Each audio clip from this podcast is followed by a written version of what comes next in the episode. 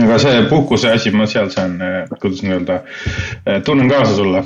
mul on järgmine nädal ka puhkus, võtsin alguses nädala, siis andsin kaks päeva ära, nüüd ma ei tea, palju järgi jääb.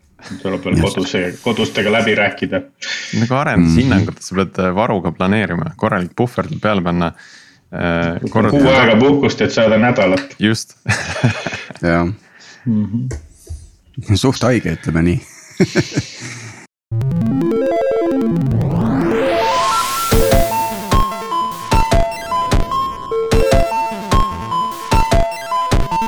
tere taas Algorütmi lainele, oleme jõudnud oma seitsmekümne kuuenda episoodini, kuupäev on kahekümne teine aprill ja mina olen Priit Liivak Nortalist seekord võttis siis äh, Martin omale Algorütmi vaba päeva ja minuga koos on tänast episoodi vedamas Tiit Paananen Veriffist. Tiit, millega sa siis puhkuse ajal tegelenud oled? Äh, enne me siin rääkisime, et väga nagu puhata pole saanudki, aga. Nojah, äh, võtsin puhkuse, et seada ennast valmiks lähenevaks purjetamishooajaks ja, ja seda olen ka teinud, aga, aga igasuguseid muid toredaid asju on ka sisse tulnud igasse päeva, et. tundub, et see startup'is puhkuse pidamine, see ikka päriselt eeldab seda, et sa lihtsalt lülitad kõik asjad välja ja ei ole kättesaadav, siis see on ainult võimalik. kuidas see purjetamishooajaks ettevalmistamine käib, et äh, sirvid äh, teooriate raamatuid või, või oled ikka nagu kõik aja merel? Eh, no vaatad, vaatad, mis purekal vaja teha on ja, ja sead töökorda nii-öelda, et. meil on uus võistkond, uus alus ja kõik hakkab nagu otsast peale, et, et oleme ise ja kõik meie meeskonna liikmed ka õpipoisid ja siis üritame nii teiste vigadest kui ka tõenäoliselt rohkem oma vigadest õppida. väga kihvt, soovin siis uueks hooajaks edu Äh, kui see ühel hetkel pihta hakkab. Mm.. seda vist õnneks veel teha saab kõikides või enamikes tingimustes. ei tea jah, mis see väli, väljas liikumise piirangud on ikka kaks pluss kaks vist ikka kehtib jah nii, aga tänases episoodis äh, on meil külaline ka ja külas on meil äh, Priit Kaasik Katanast ja temaga räägime siis sellest, kuidas kulutada arendusele suur hulk raha hästi lühikese ajaga tere, Priit. tervist, väga mõnus teema. ja Priit on meil tegelikult külas juba teist korda, et äh, vaatasin just meie äh, episoodide ajaloo üle ja ta äh, rääkis meile ka Herokust jaanuaris kaks tuhat kakskümmend ma arvan, et äh, oleks mõistlik, kui sa siiski ennast mõne lausega tutvustad äh, neile kuulajatele, kes juhtumisi seda jaanuari episoodi kuulnud ei ole. et millega sa Katanas tegeled ja millega sa varasemalt äh, tegelenud oled enne, enne Katanat siis ehk? ma alustan sellest kaugemast otsast, et ülikoolis käies äh, ma sattusin äh, tööle äh, sinna tehnoloogiakeskusesse, kus ma kohe puutusin kokku veebisüsteemidega ja tegelikult minu nagu selline arendaja ekspertiis ongi ainult veebisüsteemid, et ma tegelikult pole mitte mingisuguseid muid süsteeme arendanud. ja seal oli APS testi infosüsteem, millega tehti ülikoolis teste, mille siis abiteenused olid ka selline MySQL-i andmebaas ja PHP versioon üks tüüpi asjad. tänu nendele teadmistele korjas mind üles Microlink süsteemid, kes oli võitnud siis selle Eesti e-valitsus üks nulli ehitamise ja siis mingi sellise, ütleme, üsna eksperimentaalsetel tehnoloogiatel baseeruv siis valitsuse infosüsteemi ehitamine, mis tegelikult oli siis ka nagu PHP ja MySQL põhimõtteliselt. et tänu sellele siis ma sain nii-öelda selle arendaja tuule tiibadesse, hiljem ma muidugi hakkasin ka tõsisemate asjadega tegelema nagu Java, aga see algus oli selline ja siis sealt omakorda äh, Playtech oli mul järgmine samm, sest noh, Tartus äh, seal ei olnud nagu väga suuri valikuid selles osas, võib-olla oleks saanud ka ütleme tol ajast veebmeediaga liituda, aga ma ei teadnud sealt kedagi. et nii see asi liikus. ja Playtechis ma sattusin siis arenduse poole pealt üldse operations'isse juhtima tarkvara ülespanekut mm, data center'isse, et siis olin tegelikult deployment'ide siis ühe grupi juht. ja siis tänu sellele protsessile omakorda ma sain aru, ma jäin kõrva Skype'ile, kellel oli parasjagu kasv jõudnud sinnamaale, et neil oli selle Äh, protsessidega, mille vastu nad sõdisid, aga mida neil vaja oli ka selline koht, kus nad tahtsid, et keegi liituks nendega, kes on äh, oma pead palju vastu seina taganud selle teemaga. nii ma sattusin äh, alguses Skype'i, ka tegelesin release management'iga, aga päris ütleme niimoodi, et ikkagi üsna ruttu tegelikult läksin selle organisatsiooni arendamise, lõhkumise ja ümbertreenimise nii-öelda haru peale ümber, kus me ka Tiiduga tihedamini kokku saime ja sealt siis äh, sai ainult hullemaks minna, äh, Microsoftiga liitumine. Seal oli juba siis ütleme, tuhat viissada inimest liideti kolme tuhande viiesajale inimesele, siis sellistes skaalas organisatsiooni muudatused. aga siis ma olin jõudnud sellise mentaalse kollapsini, et äh, konsultant oma ettevõttest tüüpi teema ja siis ma kaks tuhat neliteist lahkusin sealt ja hakkasin tegema siis oma esimest äh, startup'i, kuna mulle tundus nii, et kõigil on startup, miks mul ei ole. Et ma ei tahtnud teiste startup'i minna, sest ma ei ole ju mingisugune ebaõnnestuja. Et ma teen ikka enda oma mis siis nagu mõnes mõttes sai uuesti konsultatsiooni äriks tegelikult, sest ainuke asi, mida ma hästi oskasin, oligi seotud selle organisatsiooni efektiivsuse mõõtmise ja siis ümbertuunimisega, on ju. ja kui ta, isegi kui sa teed selle jaoks tarkvara, see ikkagi lõpeb nagu konsultatsiooniga, sest äh, see on nagu nii delikaatne teema. ja see on nagu relv põhimõtteliselt juhtide käes, et kes tahavad äh, omale ehitada leivast redeli, öeldakse, et siis sa pead interpreteerima, mida need numbrid tähendavad, mida sa just mõõtsid seal ja seal, et kas see on kellegi hukatus või äh, kasu ettevõttele, et äh, see. kui sa nüüd tagasi vaatad sellele oma konsultatsiooni äh, ajale, siis kas sa iseenda teenuseid ostaksid? ja praegu tegelikult kusjuures juba hakkaks vaja minema. Mm. meil mm. siin ongi nüüd niimoodi, et arendustiime on hetkel kolm, aga selle aasta lõpus on juba kuus tükki. ja siis seal juba võiks olla niimoodi, et sul on juba natukene sellist, kuidas nii-öelda tervise dashboard'id olemas, mis andmete põhjal ütleksid, et kellega tuleks natuke rohkem tegeleda sellest osas, kas neil nagu asjad laabuvad mõnusalt või on midagi sealt puudu mm. -hmm. et kui järgmine aasta target oleks juba kaksteist tiimi, siis ma ütleks, et see selline vaade või andmepõhine nagu vaade sinna protsessidesse on vältimatu. Mhm. kas, kui me nüüd juba sel teemal oleme siin natukene võib-olla läheme teemast kõrvale, aga, aga kas sa ei näe, et seal on oht nagu väga suureks nagu overhead'iks ja, ja üle engineering uks nii-öelda? ma just mõtlesingi, et selle äh, andme, kuidas nii-öelda siis analüüsiga sa saadki seda nagu vältida, et sa üritad hoida seda minimaalset äh, sellist äh, reeglistikku, et ma enam tegelikult seda reeglistikku, et kui ma olin noorem mees Playdays, siis ma arvasin, et see on framework aga ma ütleks nüüd, et ma nüüd olen seal Sergei parteis ja ütlen, et see on kultuur.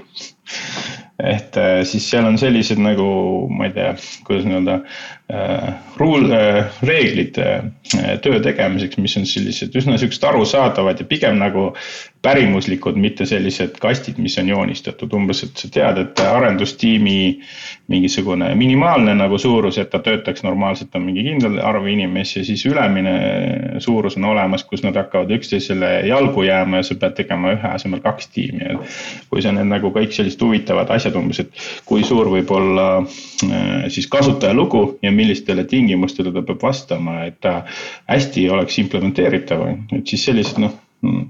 Nad on nagu, tundub nagu sihuke eraldi nagu reeglites ette, aga tegelikult kõik on sellised väikesed nagu suunanäitajad või nooled seal põrandal, et kuhu kõndima peaks, on ju. Need on sageli äh, hägusad ja subjektiivsed ka, et mida on nagu hästi raske reeglina formuleerida, et sa ei saa, sa ei saa panna sinna numbrit tihti külge, et see on selline tunnetuslik ka aeg-ajalt. Mul on äh, hea näide, millega me maadleme. Äh, äh, meil on see kahe tööpäeva reegel, et mis on hea kasutajaloo suurus, et see on see, et et hea kasutajalugu võtab vähem kui kaks tööpäeva implementeerimist ja nagu laivi jõuab otse ilma, et noh, me ei kogu ju see või kasutajalugusid nagu punti ja siis ei tee suurt äh, reliisi. vaid et siis iga story peaks saama eraldi minna aga nüüd on see, et, et mida inimesed tähe-, kuidas nad aru saavad, mida tähendab vähem kui kaks päeva. siis nende meelest alati see on nagu täpselt kaks päeva see on nagu minu, minu jaoks nagu kõige suurem probleem, et et see tähendab seda, et nad äh, väga suure tõenäosusega tegelikult lasevad üle selle, mitte ei lähe sinna sisse, on ju.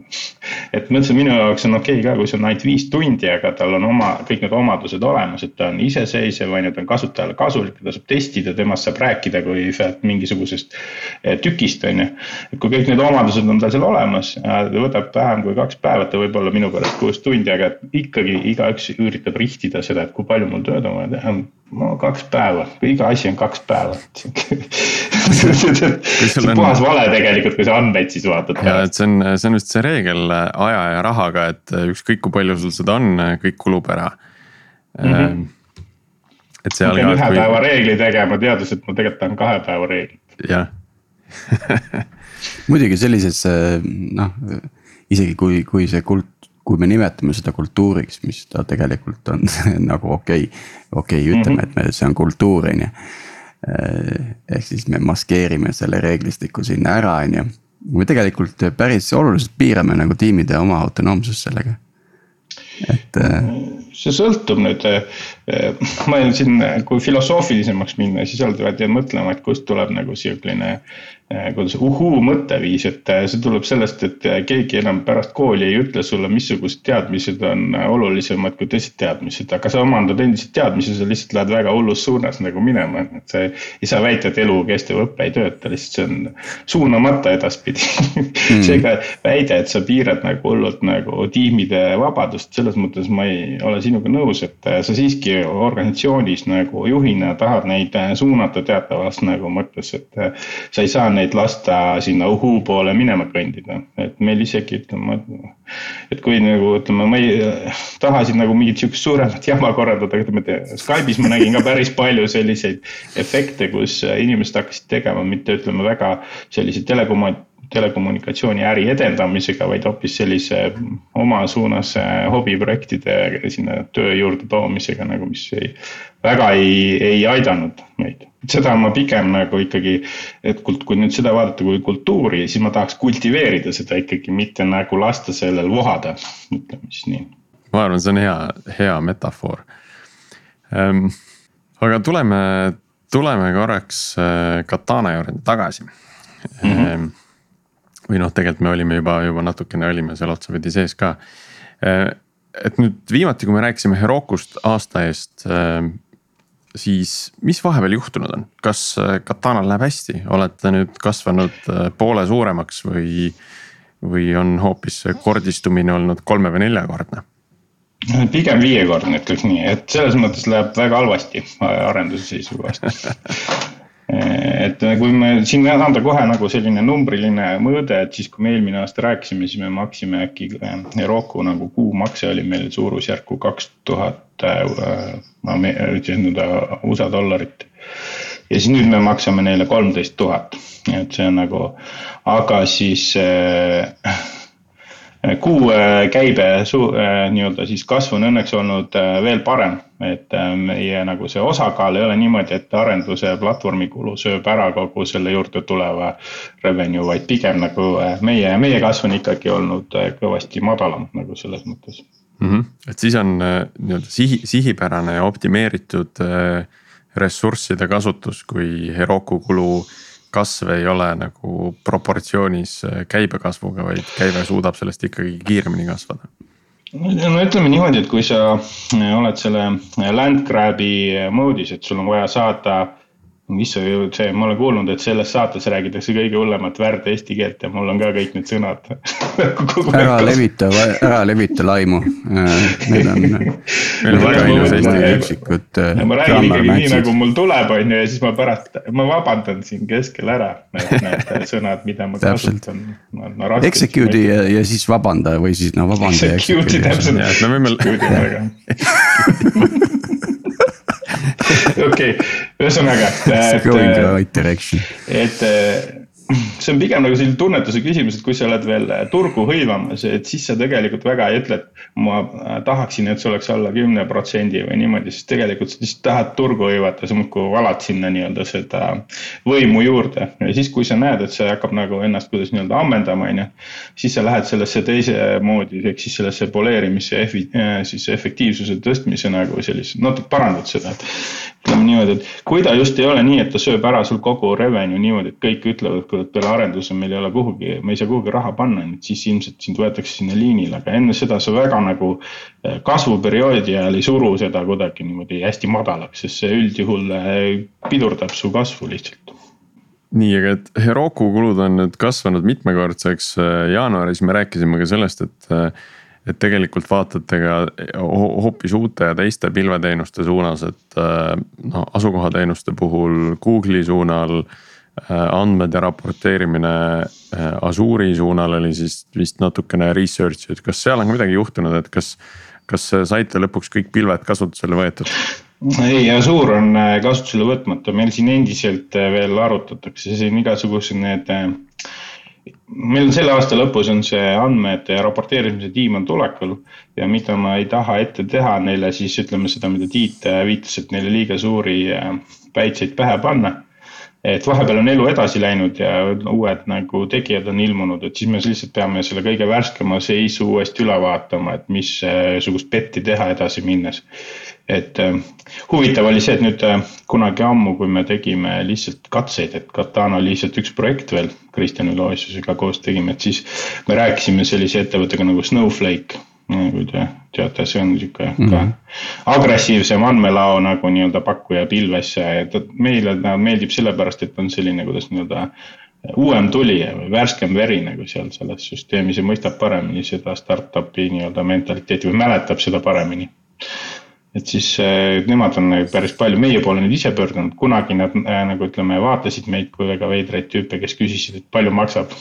siis seekord nad tulid ise uurima, et kas, mida te kasutate, et äh, ma ei oska siin öelda, et see, kas see suur on see tulevik, aga et meile kui need numbrid on ka natuke muutunud, millest me nagu seda arvutasime, et palju me oleme nõus aastas maksma näiteks sellise teenuse eest et see, need on natuke nüüd nagu ütleme, meil on nüüd, oleme, saame rohkem kulutada kui siis, kui me esimesed arvutused tegime. ja aga muidu ülejäänud asjad on kõik kasutuses, eh, sest eh, Amazon on endiselt ju kõige all, kaasa arvatud Heroku all. kasutame eraldi Amazoni eh, ja siis Google'it kasutame ka edasi, aga jah, Azure'i otsust pole veel tehtud. me küll kasutame Azure'i VM-e, desktop'e erinevatel põhjustel väga, mis, mis põhjused need on? Äh, nagu Azure'i peal siis äh, Microsoft, ütleme Windowsi masinaid, Windowsi VM-e või? Windowsi VM-e jah et äh, miks me seda teeme, on see, et koos meil selle Office kolm kuus viiega tuli see Power BI litsentsid ja siis meie see ad hoc nii-öelda esimene versioon äh, igasugustest äh, BI asjadest oligi siis nagu see ja siis me vaatasime, et kõige lihtsam viis meil seda teha on siis teha need remote desktop'iga mingi paar sellist BI masinat, kus see Power BI kliendi, paks klient sees jookseb, et siis Maci inimesed ei ehmata ära kohe, et nad peavad seal mingi jamaga hakkama tegelema, vaid kasutavad siis läbi selle nii-öelda mm. -hmm. meil väga palju neid ei ole, paar tükki on jäänud vist, ütleme niimoodi, et see tõenäoliselt kaob meil ära, et meil seal igasugused äh, chart mogulid ja muud asjad võtavad nüüd vaikselt üle selle, kogu selle töö. kas teil on juba, olete juba jõudnud sellesse faasi ka, et midagi on nagu in-house teil nii-öelda peate host ima? Et, et. ei noh, et... see on, see on see nagu, see on ka üks see kultuuriline reegel, et see ei tohi olla, serverit ei tohi kellelgi olla jah, jah, aga ütleme ise mingisuguseid, mis instantse nagu ise Amazonis run ite peale, ütleme. sellised toodangu, toodanguteenuste, sellised support teenused või? ma ütleks selle, et see pole tõsiseltvõetav, et see on pigem siis nagu sellise toote seisukohast on ta pigem nagu abiteenused, et mm. -hmm. meil on seal see content delivery Äh, et ja siis meil on, kuna meil on selline JavaScriptis tehtud UI, et siis me serveerime sealtkaudu neid äh, JavaScript'e tuleksid meie enda domeenilt, äh, et neid ei blokitaks ära adblockerite poolt. ja siis meil on seal S3 storage, kus me hoiame sellise, kuidas impordiga seotud faile ja asju, mida noh, ei ole mõttekas mujale panna mm. -hmm kuidas Aha, meie, meie DNS server ka jookseb sealt, sorry, see tuli ka meelde. ja, ja okei okay,, ja, ja loogiline. kuidas aasta jooksul see toode ise on nagu arenenud, mäletan Priit kunagi alguses tahtsid Põhjalast nagu saada mingisugust nagu tootmisprotsessi näidet või midagi sellist, et. et kas see on, kas teil on mingisugune segmendi spetsiifika tekkinud või, või on nad universaalsed endiselt? Mul on sihuke, see on nüüd minu sihukene tunnetuslik nagu hinnang, et võib-olla ma saan pärast pähe selle toote käest. aga et me endiselt ei ole seda segmendipõhisust nagu sisse toonud ja me aeg-ajalt kaotame nagu selgelt spetsialiseerunud nagu toodetele kliente selle tõttu. aga mida me ju, meie enda see eh, suur mäng või nüüd see, mis see seeria A-ga on ikkagi, et see, et seeria A lõpuks tähendab, et me peame saama oma platvormi ja App Store'i nagu nii-öelda alge püsti ja seal siis nagu see partnerlus ja äpid peaksid tooma, et see kogu see äpimajanduse mõte ongi meil tegelikult see, et see oleks, see oleks see, mis toob selle äh, segmendi põhisuse, et mis meil sealt puudu on umbes, et äh, mida õlle tootmise juures sellest üldisest nii-öelda asjast on puudu. et meil on küll tulnud nüüd need, äh, kuidas need lottnumbrid ja, ja kus. aktsiisiarvestus ka või? minu teada ei ole, aga meil on alkoholitootjad nüüd pardal küll džinni ja õlut toodetakse, et äh, siinkohal ma olen natukene nagu ütleme, ma peaks uurima seda täpsemalt. Mm, aga pigem on see nii, et äh, me ei ole nende lemmikud, ütleme nii. aga see, see äpimajandus, äh, noh, see on nüüd, see on nüüd täiesti uus, et mida see, mida see arhitektuuriliselt Katana jaoks tähendas või, või on see midagi, mida, millega te juba aasta tagasi tegelesite ja vaikselt sinnapoole liikusite, et noh, ma, ma saan siin öelda, mis need nagu, kuidas öelda, et äh, algusest peale oleme mõelnud, et äh, see arhitektuur peaks võimaldama meil suunda muuta, et see on nagu oluline, et tal on, et see, see on nagu tänapäeval, kui sa hakkad veebisüsteemi tegema, et sa ei hakka enam monoliiti ehitama, kui sul mingisuguseid kogemusi selles vallas on. et äh, sa pead tegema mikroteenuste arhitektuuri ainuüksi selle jaoks, et kui sul toimubki siis skaleerimine äh, ja, ja nende tiimide poolitamine ja nii edasi, et siis sul on väga lihtne seda omandit nagu ümber mängida.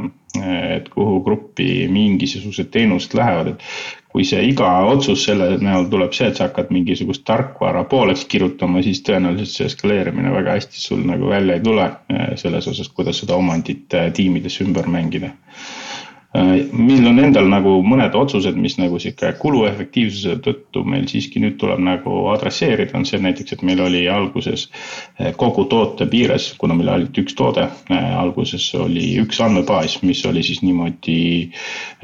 kuidas nüüd öelda siis skeema, jah, skeema ownership'iga oli teenuste see isolatsioon sinna tekitatud. niimoodi, et nad ei tohtinud üksteise andmeid niimoodi seda mikroteenuste reegleid rikkudes nagu Äh, otse adresseerida. aga siiski, et äh, see kulu oleks nagu kontrolli all, siis oli äh, odavam meie jaoks niimoodi seda teha. aga nüüd on selge, et kasvukiirus ja see andmete mahu kasv on sellisel tasemel, et me enam ei saa väga palju vertikaalsesse skaleerimisse raha juurde panna, sest me hakkame jõudma sinna kohta, kus ütleme, et meil on ainult mõned tier'id jäänud. palju seda veel upgrade ida on mõttekas nagu. noh, mitte väga, no mitte väga drastiline, aga see on lihtsalt, see tundub nagu natuke vale tee, et siis me nüüd oleme hakanud koos teenustega ka siis tegema teenusepõhiseid andmebaase ja siis teine asi, mis me oleme sunnitud arhitektuuriliselt sisse tooma hästi selgelt, on siis Kafka, mis meile annab nagu seda sõltuvuste haldus, see on siis et meil sisemised teenused kasutasid väga palju API, endiselt kasutavad API põhist suhtlust omavahel see on üsna ebaefektiivne, kui sul on, hakkavad siuksed keerulisemad, äh, sul on vaja sellist, kuidas nüüd rikast, rikkaid andmeid äh, kasutajaliidesesse saata, kus sa pead mitmest teenusest neid kokku klopsima, et see tekitab ikka päris suure äh, sellise ajalise ootamise juba. et siis, siis me oleme hakanud nüüd sinna siis neid Kafka event stream'e sinna vahele panema, mis siis mõnes mõttes nagu, et sul on selline ütleme noh, näitena näiteks siis äh, kontaktide haldus, kus sul on nii äh, kliendi andmed kui nagu meie klientide kliendi andmed, äh, mis on siis osad on seotud ostmisega osad on müügiga seotud. nii et siis tegelikult sa saad kontaktid ikkagi nagu kaheks teenuseks lahku lüüa, et sul on siis nagu customer'id ja supplier'id. aga omakorda sa tead, et tegelikult neid supplier'id on vaja sul müü-, nende ostuarvete jaoks et siis äh, tegelikult, kui sa sinna neid lisad, on ju, siis tegelikult sealt läbi Kafka, äh, kus ostuarvete haldaja ootab seda. Äh, saab teada, et selline uus kasutaja lisati sinna nimistusse või sinna teenusesse, siis tegelikult tema kirjutab oma siis nii-öelda andme sellesse siis andmebaasi samasuguse data tegelikult maha, et siis nagu mõnes mõttes on hakanud see nende sõltuvuste siis vähendamine, et siis, kui midagi minnakse sinna ostuarvete käest küsima, siis ta ei pea enam minema neid kõiki neid supplier eid ja muid teenuseid äh, uurima, et kus, kus kohas kõik need jupid on, millest see äh, ülevaade kokku tuleb mm. -hmm. et, et need andmed siis, on ikkagi äh, dubleeritud siis konkreetse teen... teenuse juures, mis seda vajab jah, ja see nüüd sõltub sellest, et kuna me nagu alguses seda mustrit ei kasutanud, et siis kus nagu see kõige rohkem poob, kus meil see lokaalne Äh, kuidas nende ressursi juurde keeramine hästi ei tööta, et siis me seal peame selle ümber tegema, et, äh, et see töötaks. et äh, kui tuleb rahvast juurde, siis koormus ikkagi kasvab eelkõige selles siis nii-öelda ostuarvete selles nii-öelda teenuse kasutamises, aga me ei taha niimoodi, et siis kui Äh, ütleme nii ostuarved kui äh, siis müügiarvete halduskoormus äh, läheb üles, et siis tegelikult nad mõlemad koos tekitavad täieliku kaose selle kontaktandmete teenusele nii-öelda. ehk siis need, mis see Euroopa annab meile on ju, on selline, et me saame sellise ressursse juurde keerata nagu võrgustikuna ehk siis igale süsteemi osale eraldi, et meil ei ole vaja nagu siis sellist kuidagi nii-öelda kõik, kõiki masinaid korraga võimsamaks teha. siis me jälgime seda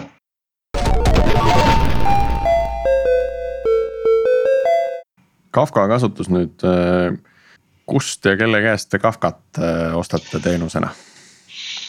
Heroku käest, neil on see, see on nende speciality nagu, et neil on äh, lisaks siis sellele aplikatsioonide haldusele on nende teine nagu siis nii-öelda, mis nende põhitugevus on, on Postgres mis me kohe esimese asjana kohe võtsime, siis teine ongi, neil on Redis ja Kafka teenusena on ka nende siis nii-öelda selles toote nimekirjas nagu eraldi kuidas sa hindaksid seda Kafka juurutamise protsessi? Ähm, et noh, kas, kas see pigem läks ladusalt või oli seal probleeme ka, et? ikka pigem halvasti sest me nagu, äh, kui sa nagu alguses teed selle arendustiimi, see on nüüd väga selgelt ka arhi-, nagu minu jaoks on alati see.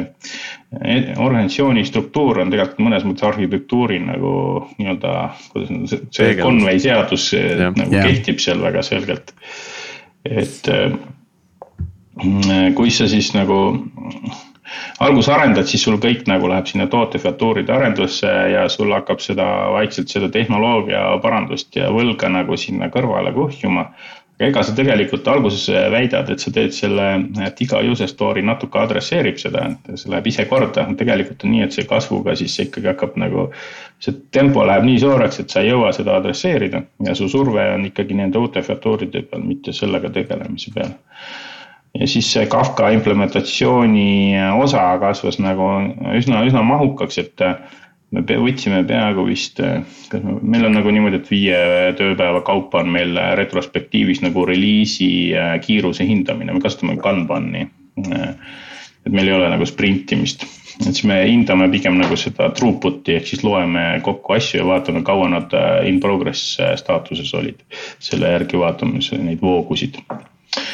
Et siis seal me panime, ütleme tootearenduse lukku mõneks ajaks ja möllasime selle Kafkaga, aga mis me nagu valesti tegime, oli see, et äh, on, on, on nagu teine konkureeriv, noh nagu tegelikult me vaatasime kahte lahendust, lisaks Eurocul oli Confluent, kui te teate sihukest pakkujat mitte segi ajada Confluence'iga ja siis äh, teine oli siis Amazon MSK, mis ka meile silma jäi kui nagu päris hästi edasi arenenud nii-öelda managed Kafka. Ja siis äh, Confluent'i äh, sellest kuidas nii-öelda kirjeldusest me vaatasime, et äkki me saame nii teha, et me ei lähegi nagu aplikatsiooni tasemele selle Kafkaga. vaid me teeme siis nagu andmebaaside vahelise replikatsiooni seal, et kui me teame, millised tabelid on teise teenuse nagu sõltuvused. siis me lihtsalt märgime sinna conf'i ära, et replikeeri see tabel sinna andmebaasi ära, kui seal mingid kindlad event'id juhtuvad aga siis me avastasime seal kuskilt poole peal, et see viis, kuidas meie nagu seda andmebaasi kasutame, et siis eh, meil ei ole sellele event log'ile ligipääsu, transaktsiooni log'ile, mis neid eh, trigerdaks, neid sünkimise asju.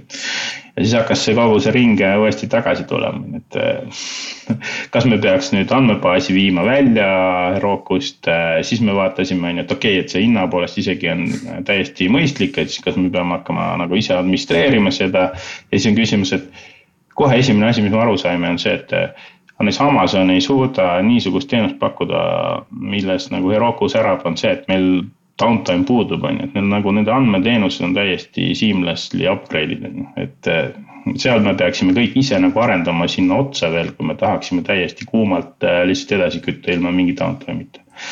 kui me selle kõik nii kokku arvutasime, siis noh, muidugi olime raisanud palju juba seda tootearendusaega, et seal ütleme. ja siis me saime aru, et me, siis me panime peaaegu aastaks kalevi alla selle kogu selle projekti, see oligi eelmine aasta, siis kui ma teie juures käisin, oli see, kus ma pidin tunnistama, et see vist on nüüd fail ja me peame pigem featuur'e tegema ja nuputama välja, mis meil nagu alternatiivid on. see on väga huvitav selline noh, et kui sa sinna jäneseurgu juba lähed ja oled, oled selle otsuse vastu võtnud, et tahaks nagu Kafkat ja siis sa hakkad otsima otsima pigem neid lahendusi, kuidas seda, kuidas seda punnitada sinna olemasolevasse mm -hmm. arhitektuuri, eks ole, et et eh, noh, et mõte on peas, paneme andmebaasid omavahel event'e vahetama.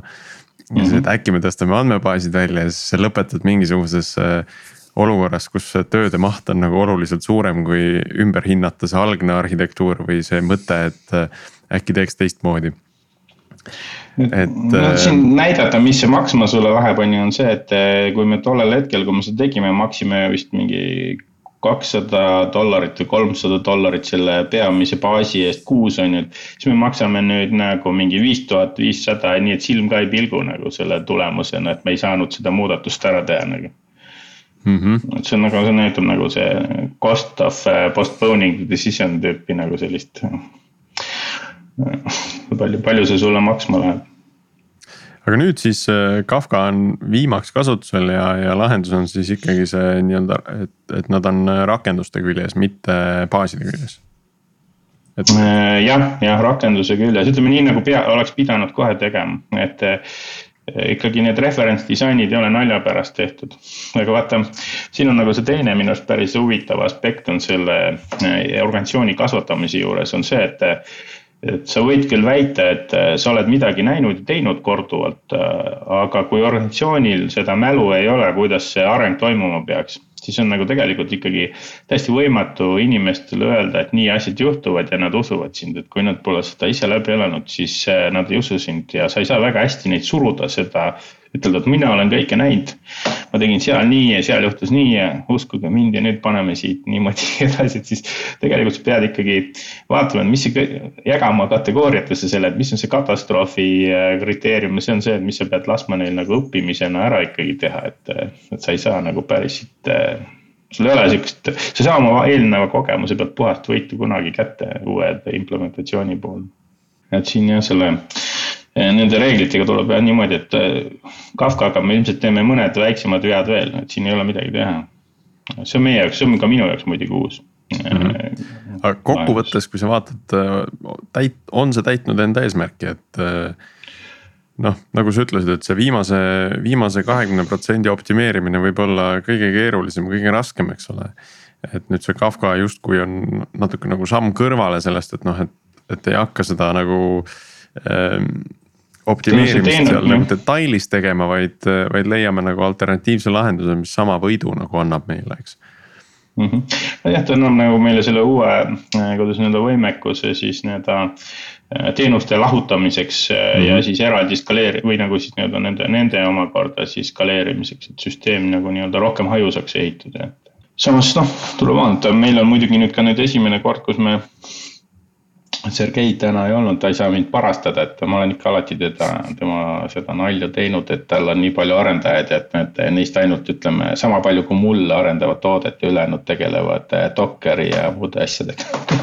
Aga tegelikult ma olen nüüd jõudnud ise ka sellesse kohta, kus ma pean ikkagi nagu sellise platvormi või core tiimi looma, mis nagu tegelikult nende selliste Kafka mingisuguste mm, boilerplate'ide tehnoloogiate väljavahetamise eeltööd ära ikkagi teeb, sest mitte kuidagi ei suuda seda peita sinna business as usual backlog'ide sisse või siis öelda, et kuulge, tootejuhid, paneme selle toote roadmap'i, et see nagu kõik tundub nii kunstlik, et siis ma pean ikkagi tegema eraldi tehnoloogiat roadmap'i ja tiimiga, kes siis nagu Äh, neid tehnoloogiate väljavahetamist ette valmistab niimoodi, et siis tootetiimid saavad ikkagi business as usual raames, ütleme ühe login API vahetada teise login API vastu tüüpi muudatuse, mitte nii, et nad ise peavad siis katsetama, et kuidas see. kuidas kõik need uued asjad uuel tehnoloogial töötavad, näiteks meil nüüd siin on keskel poole peal oleme niimoodi, et me tulime ära Papertrailist.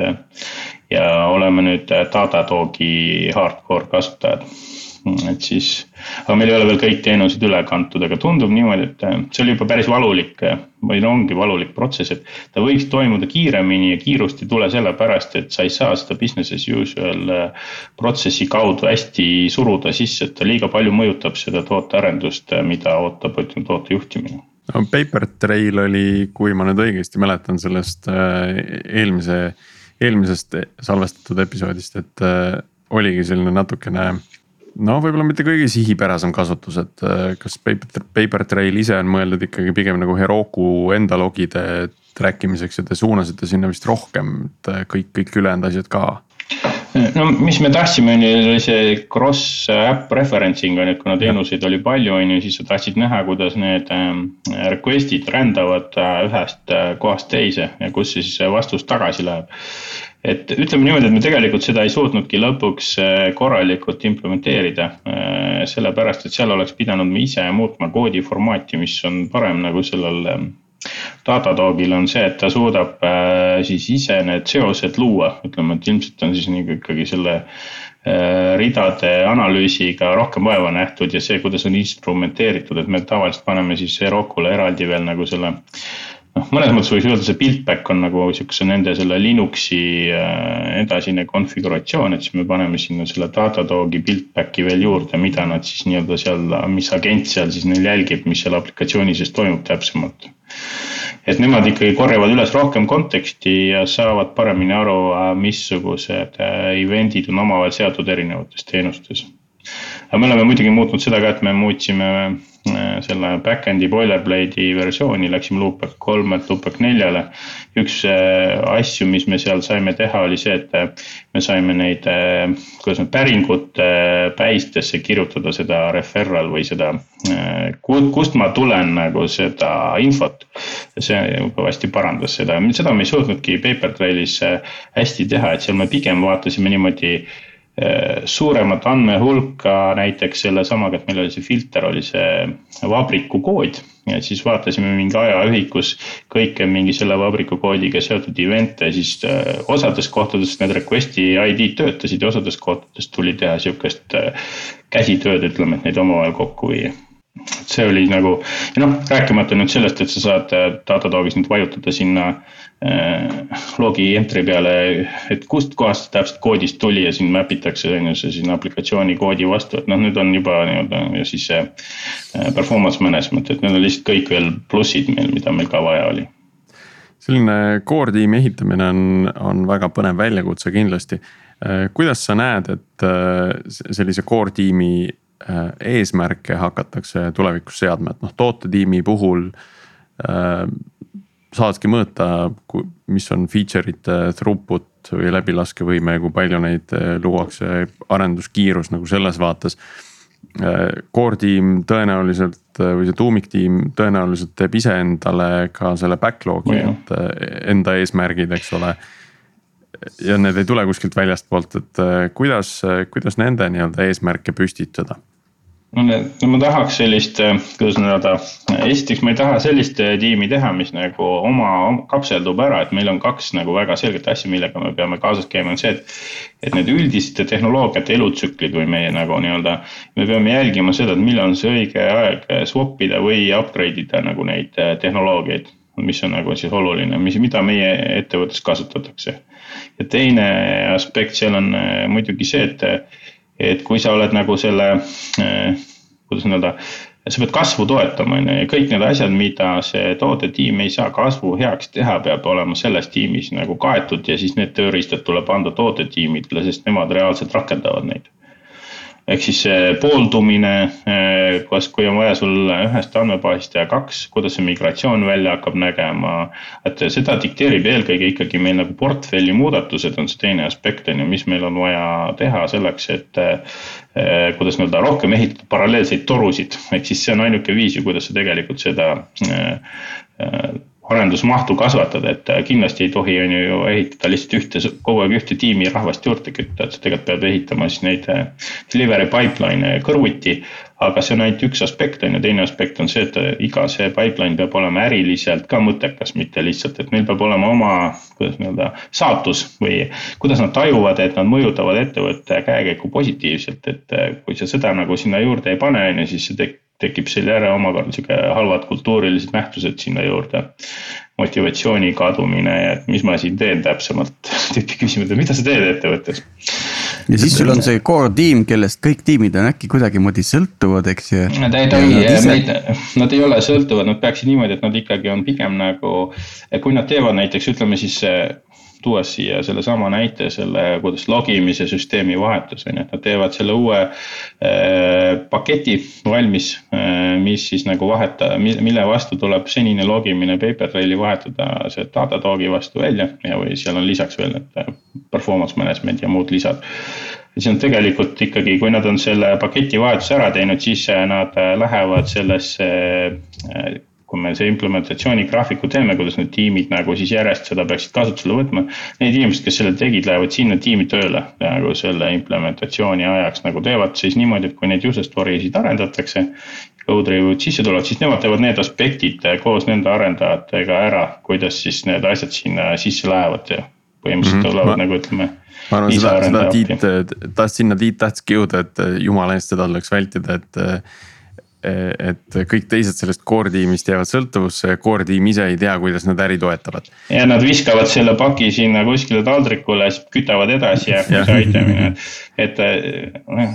et, et seda kindlasti ei tahaks teha, eks, aga see, see lähenemine on täitsa huvitav tegelikult, et see core tiim siis mingiks perioodiks äh, põimub või lahustub laiali. lõimub selle. meil on platvormitiim või me pole veel otsustanud, ütleme alati, mul on lihtsalt ja. mõned vanad mälestused, et Blade'is oli core tiim ja see, see tegi minu arust niimoodi. sa pead täitsa uue nime panema, et siis on muidu ei saa. -hmm. seni, kuni see kollektiivne mälu äh, või see jah, kollektiivne mälu nende halbade emotsioonide osas äh, olemasolevate levinud äh, terminite jaoks ära lahtub, seniks on vaja uusi nimesid asjadele ja see võib olla siin mingi awesome engineering experience tiim. jah ühesõnaga, ta võiks jah, see on see minu jaoks alati see haigekassa versus tervisekassa äh, tüüpi asi, et. et see võiks positiivse sõnumiga tiim kohe algusest olla, et mitte pärast avastada, et ta ei tegele tegelikult äh, probleemidega, vaid ikka tervise nii-öelda. kuidas öelda siis nende positiivsete asjadega no üle ähm, ütleme Ameerika mandril on ju need excellence tiimid hästi äh, äh, populaarse nimetusega, et noh, selline. ära sa räägi, olen isegi selle tiimi liige olnud. Aa, et sul on, sul on jällegi selline emotsioon, mida sa võib-olla ei, ei tahaks taas meenutada no, no ma võin ikka meenutada, sest kõigid, kõik need asjad on ju millekski ka kasulikud hilisemas elus et äh, kindlasti ma ei taha seda, seda, mis ma õppisin sellest, et ma ei sooviks sellist tiimi teha äh, okei okay,, aga no kui, kui näiteks, kui me sellest tuumiktiimist edasi räägime, sellest platvormi tiimist, et. Et kui sealt platvormi tiimist siis mingi osa inimesi lahustub nii-öelda nende tootetiimide sisse, et kuskilt peab sinna, kuskilt peab sinna tagasi ka tulema, et kuidas sa seda protsessi ette näed või oled mõelnud, et. et kas see on selline missioonipõhine, et et siis jällegi nagu tootetiimis nähakse mingit uut vajadust äh, uue tehnoloogia järgi ja, ja siis äh, vaadatakse, et noh, aga see võiks hoopis olla nagu platvormi osa või see on suurem töö, et, et selle peaks nagu natukene tootearendusest nagu eraldi tõstma. ja siis sealt mingid inimesed liigutada või on mingi teine plaan? Mm, meil on selline arhitektuurifoorum, kus selliseid teemasid tõstatatakse aeg-ajalt ja siis meil et suure tõenäosusega jah, ta läheb nagu, me pigem jätame nagu siuksed püsivad vormid alles, et see platvormitiim jääb selleks ilmselt, kellele see lõpuks ette söödetakse, see üldise kasu teemad.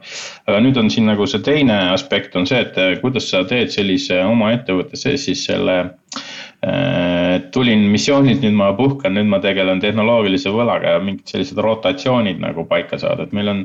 esimeses iteratsioonis on äh, selline noh, äh, mitte niimoodi, et sa nagu oled kuidagi seal ujud ringi mingisuguses kuidas öelda, mitte väga formaalses struktuuris, meil on pigem formaalsem, et. et kui ühes täi-, täiesti staff itud nagu tootetiimis on ütleme üheksa Äh, inimest, et siis on umbes see kolm pluss kolm pluss kolm, et äh, kolm ühe featuuri kallal, kolm teise featuuri kallal, kolm on tehnoloogia siis selle tehnoloogilise võla ja pikaajaliste bugide siis nii-öelda selles backlog'is. siis meil on sihuke kontsept nagu veel ka epic leadership ehk siis eepilised juhid, ehk siis need on need, kes nagu sellest nendes väikestes gruppides omakorda teevad sellist koordineerimise ja, ja siis nagu release management'i selliseid töid veel lisaks sellele, et nad on arendajad. et nad ikkagi nagu on nagu miniprojektijuhid ilma inimesi juhtimata selle sees. kas, kas see kuidagi äh, on sarnane siis sellise nagu mission lead'i rolliga? jah, aga need on nagu lühemad ja siis on. Nad on veel lühemad kui missioon, eks ole mm. võib-olla. pigem on nii, et nad pigem võiksid jääda ühe kuu piiresse, aga see on umbes sama nagu, et kas story on kaks päeva, ehk siis elu näitab. ja just jah, ja siis teine on see, et kui siis see Featuuri missioon äh, läbi saab, et see läks laivi ära, et siis sa, siis toimub see reset, kus siis sa liigud kas siis sinna äh, sellesse tehnoloogilise võla gruppi vaatama, et mis see siis see nagu see, mäleta, kuidas see Pipedrive'is kutsuti seda launchpad'iks või mingi sellisesse nii-öelda gruppi, aga et, et meil ei ole sellised suured grupid, vaid need on sellised ühe tiimi sees väiksed grupid. ja nüüd on siis niimoodi, et kõige rohkem tegelikult siis see platvormi tiim peakski tegelikult suhtlema iga tiimi selle tehnoloogilise võlagrupiga nii-öelda parasjagu, kui see nagu töö käib et see on see linking point. ma veel pole sellist asja nagu sinna sisse pannud, et meil hakkaks veel nii-öelda tiimide ja siis platvormi tiimi vahel inimesed äh, liikuma üle aja, aga kunagi ei tea, vaata see arendus on alati liikumises, et äh, kuidas, kuidas nagu üldse selle minu arust nende disainide kohta öelda, et need on kõik need same, same different asjad, et äh, kes yeah.. et äh, igalt poolt paistavad mingid Facebooki, Spotify, siis mingi Supercelli kõrvad, kõik need ettevõtted, kes on palju panustanud selleks, et nähtavaks teha, kuidas engineering ut tänapäeval nagu tükeldatakse, juhitakse, et siis praktiliselt tundub ikkagi nii, et pigem on nagu erilise või erinevused on kas selles arenguastmes parasjagu ja siis lingvistikas on ju, et kes on oma mütoloogiale, mis definitsioonid parasjagu pannud. et aga muidu nagu on ikkagi kõik. ja, ja, ja lisakeerukus tuleb tegelikult sellest, et igas organisatsioonis on mõned väga tublid ja toredad inimesed, kes katavad mingeid lõike ja teevad sellest unikaalse setup'i teatud mõttes, eks ju.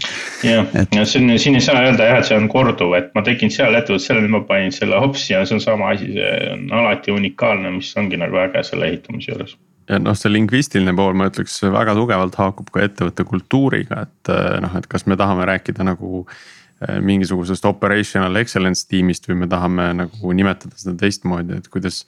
noh, kui, kui kultuuris eh, ei, ei tundu nagu okei okay,, et väga selliste formaalsete ametlike nimetustega asju nimetada, siis nad, siis nad panevadki sinna awesome developer experience tiim nimeks ja ja tunnevad ennast hoopis paremini selle tiimi liikmena äh, tegutsedes meil on, äh, see termin on tegelikult Skype'i ajast pärit vist selle sedasama kuulsa Opuse või Reorgiga ja siis meil tekkis selline tiim nagu, et mille nimi oli engineering excellence, aga kõik ütlesid, see on engineering lifestyle tiim et see tegelikult ei ole ikkagi, see andis nagu ütleme, võttis seda elitaarsust vähemaks ja tegi selle omasemaks nagu kogu selle setup'i.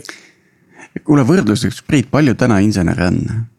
Lihtsalt, et ta, nagu me räägime organisatsioonist, eks ja mingisugune skoop. ja, ja et kui ma just eelmine aasta rääkimas käisin, siis mul ilmselt oli mingi kümne ringis neid ju.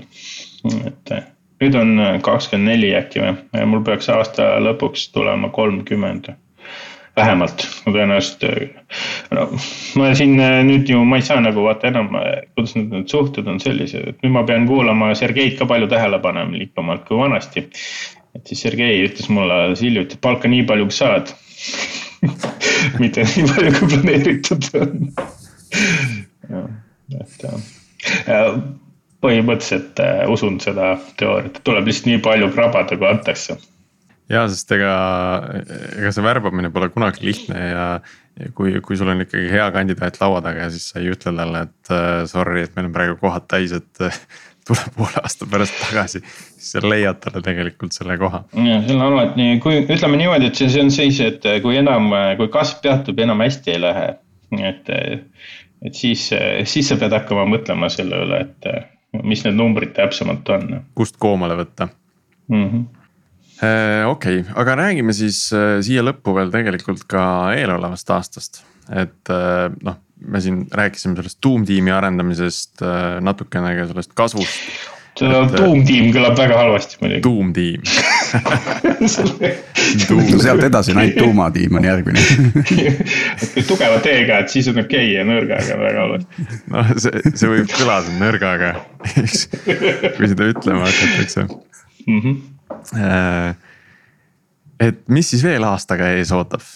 Äh, iga aasta double up on see või ehk siis nagu see on selline reference point on, et äh, või sihuke, kuidas nüüd öelda äh, kui palju sinu organisatsioon teoorias suudab muudatust nagu taluda äh, aastas, et tavaliselt üle kahe korra kui sa oled äh, hästi ette valmistunud, siis ikkagi ei suuda. see lihtsalt nagu see äh, pooldumise ajast tuleb nii palju probleeme nendest uute inimeste väljakoolitamisest, et sa ei, parima tahtmise juures ja parima talendi juures sa väga seda kiirust enam üles sellest kahest X-ist ei saa, sa saad seda ainult allapoole tuua sellega, et sa pole arvesse võtnud nagu ütleme seda kasvu no kindlasti see tuleb alla, et isegi kui kaks korda yeah. kasvab, et kui su produktiivsus ei kasva kaks korda, et. aga see on mõnes mõttes kasulik ka sellepärast, et eeldusel, et sa ise pead äh, rahastusskeeme arvestades tänapäeval iga aasta vähemalt kolm X-i kasvama, et üldse loota sellele, et sa. kuidas nii-öelda edasi saad minna, kus on see, et kasvutrajektoor oleks arvestatav.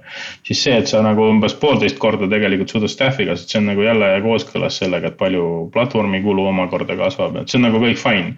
halb on muidugi see, kui sa ikkagi stuck jääd niimoodi, et see hakkab äri pidurdama, et sa ei saagi siis nagu äriga sinna minna, kus sa plaanisid, ainuüksi sellepärast, et sa ei saa staff ida neid äh, lisatiime, mida sul tarvis on. ja seal on ka oma benchmark on ju, et mitu, mitme päevaga ühest tiimist saab äh, selline tiim, mis suudab äh, muudatusi laivi panna. nii et laias laastus organisatsioon kaks korda ja revenue kolm korda või? et see siis tähendab, et kui siiani kahe aastaga on üksteist, üksteist milli ära kulutatud, et äh, siis järgmise kahe aastaga läheb kakskümmend kaks. noh, kuidas nüüd öelda, et see, kui võtta, võtame lihtsalt, äh, ma ei hakka nüüd nagu spetsiifiliselt midagi siin ütlema, võtame lihtsalt sellise point nine SaaS-i napkin'i ette, kuidas need nagu need nii-öelda numbrid seal välja peavad nägema, et siis, et noh, sa pead ikkagi minema sellise, kus selles ühe miljoni kuu saja tuhande kuu revenue pealt ühe miljoni kuu revenue peale mingisuguse nii-öelda hüppega. Ja nüüd on selles, sa pead sinna jõudma enne, kui sul raha otsa saab. on nagu see kõige suurem raamistik. et siis sul on lootust äh, see järgmine hüpe väga ilusasti äh, uuesti rahastada ja planeerida, et senimaani meil Katanas on sellega väga hästi läinud, et äh, me oleme ikkagi alati palju enne saanud rahastuse nende projitseeritud numbrite pealt, kui see, et meil tegelikult hakkab kumama mingi selline äh, ebaõnnestumine seal või et me peame hakkama siis nagu ütleme, bridge ima midagi või, või veel mingisuguseid äh, trikke tegema, et äh, me ise oleme omavahel rääkinud, et meil on väga igav startup nagu, et meil ei ole neid siuksi ägedaid lugusid nagu rääkida, kuidas sai raha otsa ja kust me pidime mafioosnikutega läbi rääkima, et saada laenu. et ähvardati, ma ei tea, veel midagi ära lõigata, kui nagu asjad ikka paar korda ei saa, et meil pole siukseid lugusid, et kõik on nagu kuidagi niimoodi, et hästi väikesed erinevused on äh, selles, mis me tahtsime ja mis me saime. suurimad erinevused on selles, et kuidas me selle saime muidugi. et see elu vaata viib su ikka noh, näiteks, et me ju oleks väga küüniline olnud planeerida Covid enda kasvu sisse juba algusest peale. et umbes, et kolmandal aastal tuleb suur ülevaade, ülevaade pandeemia ja see aitab meid kohe edasi väga hea, juhtuski